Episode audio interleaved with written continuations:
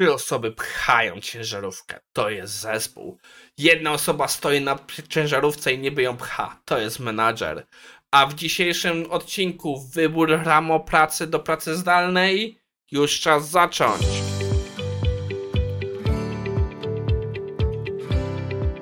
Cześć, nazywam się Maciej Wyrodek, a to jest IT Morning na 1 lutego. IT Morning to zbiór ciekawych artykułów ze świata IT, które pomagają Wam zbudować szerszą perspektywę i usprawnić swoją pracę. E, dzisiaj piję herbatę zwyczajną, bo niestety popsuł mi się czajnik, ale udało mi się go chyba naprawić. Lipton czasem może być. E, zacznijmy od dwóch sprostowań. Po pierwsze, w odcinku poniedziałkowym błędnie powiedziałem, że framework do testów performance'owych K6 jest napisany w JavaScriptie. Tak, faktycznie pisze się testy w nim w JavaScriptie, ale sam framework jest napisany w Golangu.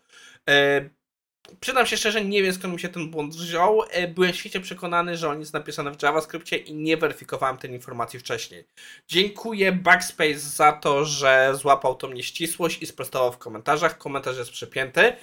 I jak będziecie mnie na takich rzeczy łapali, to dawajcie znać. Ja też mogę popełniać błędy, dużo rzeczy czytam, ale mogę źle rzeczy pamiętać albo być po prostu, no, na życzenie świecie w błędzie, więc nie bójcie się mi takich rzeczy wypominać no, też potem się poznaje ludzi, jak przyjmują krytykę, jak przyjmują takie informacje, ale no też jestem w stanie po prostu na życzenie świecie popełnić błąd. I był takim przykładem nasz w następnym odcinku, a mianowicie w odcinku wtorkowym, e, chyba to był wtorkowy? Nie, przepraszam, znowu w poniedziałkowym, tak. To był, a, także w poniedziałkowym. Jezu, ale mam dzisiaj za, za, za. E, Piotrek M złapał mnie, że e, nie do końca dobrze mówiłem o API. O co chodzi? E, czytając artykuł wcześniej, wydawało mi się, że tam było napisane, że JavaScript jest używany do pisania e, API. Gdy już czytałem go w trakcie omawiania RAM, coś lepsze czytałem i zrozumiałem, że to jest na odwrót, że jest do konsumowania API.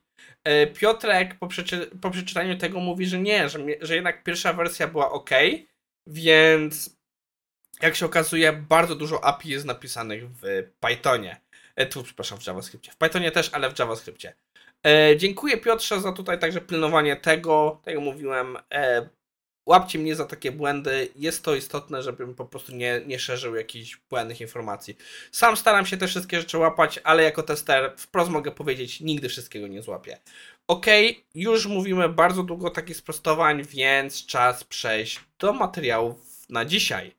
Naszym pierwszym materiałem jest artykuł poświęcony wyborze frameworków JavaScriptów.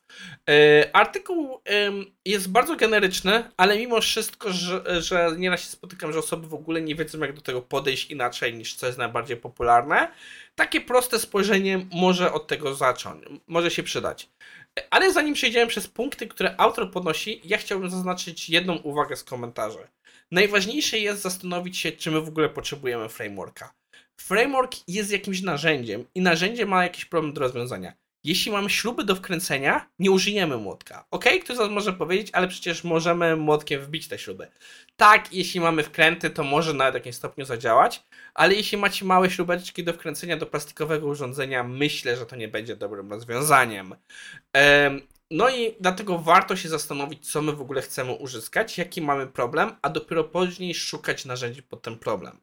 Autor tutaj zaczyna od dyskusji w ogóle, co takie frameworki nam oferują, że takie cztery najważniejsze funkcje z perspektywy pisania web serwisów, nazwijmy to, stron internetowych.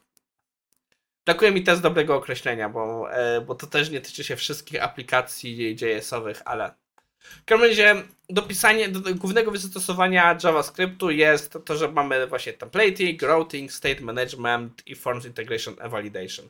Następnie autor pokazuje, jak sobie zrobił tabelkę, albo skąd zakosił tabelkę, która pokazuje co co ma.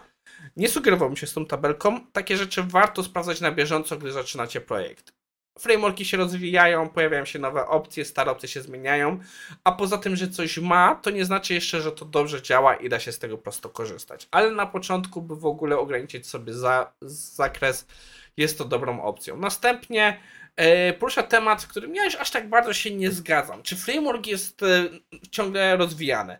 Z jednej strony jest to istotna rzecz z perspektywy security, ale z drugiej strony ja bym patrzył na to, co jest Wam obecnie potrzebne. Jeśli macie rzeczy, które są Wam obecnie potrzebne, no to aktywny development Wam nie jest tak bardzo potrzebny. Plus liczenie na to, że błąd zostanie naprawiony, którego znajdziecie. Jeśli sami nie wystawicie merge requesta i tak dalej, możecie spokojnie liczyć, że to będzie trwało i tak czy siak długo. Więc jest to nice to have, ale czym jestem starszy i czym z większą ilością narzędzi pracowałem, nie jestem aż tak bardzo przekonany, czy to jest, e, czy to jest must have. Wiadomo, nie, nie powinniśmy brać rzeczy jakoś super legacy, ale jeśli coś rozwiązuje nasze problemy i niekoniecznie miało update w ciągu ostatniego roku dwa, to nie znaczy, że od razu to trzeba skreślać. E, dalej autor patrzy e, na dokumentację. Tutaj nie ma co dyskutować. Dobra, dokumentacja jest super przydatna. I coś, co poruszył, kolejną rzecz, zasoby do uczenia się.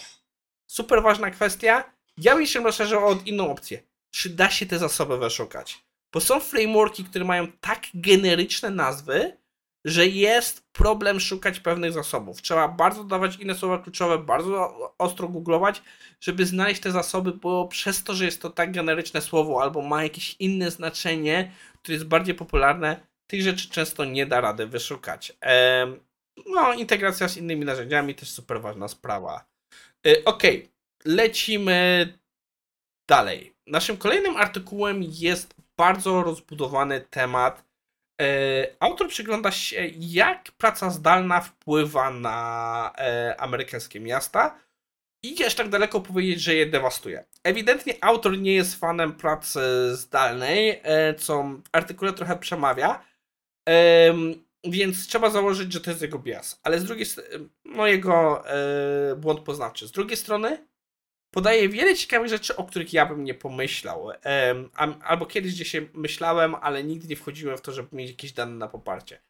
Ogólnie zaczyna autor dyskusji od tego, jak świat się zmienił przez pracę zdalną, że nawet obecnie, kiedy COVID jest w dużej mierze w odwrocie, ludzie dalej nie wrócili do pracy biurowej. Praktycznie nikt nie wrócił, praktycznie mało. Dobra. E, stosunkowo niewiele osób wróciło w pełny wymiar godzin do biur. Większość osób wróciło w tryb hybrydowy. I w sumie to się trochę, w sumie to się pokrywa mniej więcej z tym, jak ja jestem, jak ja rozmawiam z moimi znajomymi.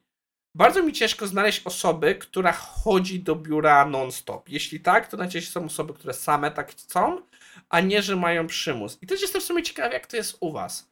Czy wy jesteście zmuszani do chodzenia do biura, czy po prostu macie być 100% czasu w biurze, czy macie dużą dowolność taką jakąś pracy hybrydowej, czy w ogóle macie kompletny remote i nikt nawet nie oczekuje, że pojawicie się w biurze? Jestem po prostu ciekaw, więc napiszcie w komentarzach. Um, autor następnie mówi, jak to ma negatywny wpływ na, e, na po prostu na miasta. O co chodzi? Po pierwsze, no dużo osób przez czynsze, nieczynsze zaczyna szukać tańszych lokacji, i przez to, że ma większą mobilność, może sobie pozwolić na to, żeby wyjść gdzieś dalej. No przyznajmy się szczerze, nawet jeśli byście mieli być raz w tygodniu w biurze, e, to byśmy się chyba zastanowili nad trochę dalszą odległością, bo no dłuższy czas dojazdu raz w tygodniu nas aż tak bardzo nie zaboli. Zwłaszcza, że to, co też podobno jest zaobserwowane, zwłaszcza w Ameryce, że obciążenie komunikacji miejskiej, mimo że COVID się skończył, dalej jest niższe ale to, że przestrzeń jest wolna, powoduje, że firmy to widzą i rezygnują ze sporości przestrzeni biurowej. Jak się okazuje, w wypadku Ameryki, dużych miast, większość dochodów e, miasta jest z podatków za właśnie nieruchomości i sporą część tych podatków stanowią przestrzenie biurowe. Więc kiedy one maleją, maluje ewidentnie dochód dla miast. Drugim właśnie problemem jest wspomniana komunikacja miejska, że przez to, że większość osób, że mniej osób z niej korzysta, powoduje, że ona w Ameryce już wcześniej miała duże problemy z utrzymaniem siebie i teraz jeszcze przez to, że jest jeszcze mniej dochodów, jeszcze mają to gorzej. Więc ostro zaznaczają, że może być problem z e, właśnie utrzymaniem takiego komfortu tych przestrzeni. Kolejną kwestią, którą poruszają, i to jest kwestia, która mnie nie do końca złapała, a mianowicie, że takie właśnie te wszystkie rzeczy będą miały wpływ na wzrost przestępczości w dzielnicach podmiejskich. Nie złapałem tej logiki w tym artykule. E, nie wiem skąd to wynika. Nie wiem, czy autor wysysa to z palca, czy może jest to jakaś sytuacja typowo amerykańska. Ale no, e, wychodzi z taką tezą i mówi to dość pewnie, nie chcę go kwestionować, e, nie do końca to kupuje, ale też zaznacza, że to będzie powodowało, że też restauracje zaczną znikać i te inne rzeczy. Jako rozwiązanie proponuje coś, co e, w sierpniu nawet u nas w Polsce pojawiały się pomysły, żeby zagospodarować przestrzeń biurową na potrzebie lokalów mieszkalnych. E, nie jest to łatwe, jest to dość skomplikowany proces, ale ma też swoje za założenia, bo bardzo często przestrzeń biurowa jest w terenach, które mają no, dużo restauracji, dużo innych rzeczy, no bo w końcu jak ludzie tam pracowali, to to też się restauracje tam gromadziły, żeby ludzie mieli gdzieś zjeść i tak dalej, i tak dalej. I to może być jakimś rozwiązaniem tego problemu. Ogólnie ciekawy artykuł, dość długi, więc jeśli Was takie rzeczy interesują, warte do zapoznania. Okay. jesteśmy chwilę po czasie, więc podsumowując. Zaczęliśmy od paru sprostowań, później popatrzyliśmy na frameworki, e, jak je wybierać, a na końcu trochę pomyśleliśmy o tym, jak właśnie praca zdalna zmienia świat. To wszystko na dzisiaj. Życzę Wam miłego dnia i widzimy się jutro. Lajkujcie, subskrybujcie i no dajcie znać, jak u Was wygląda kwestia pracy zdalnej.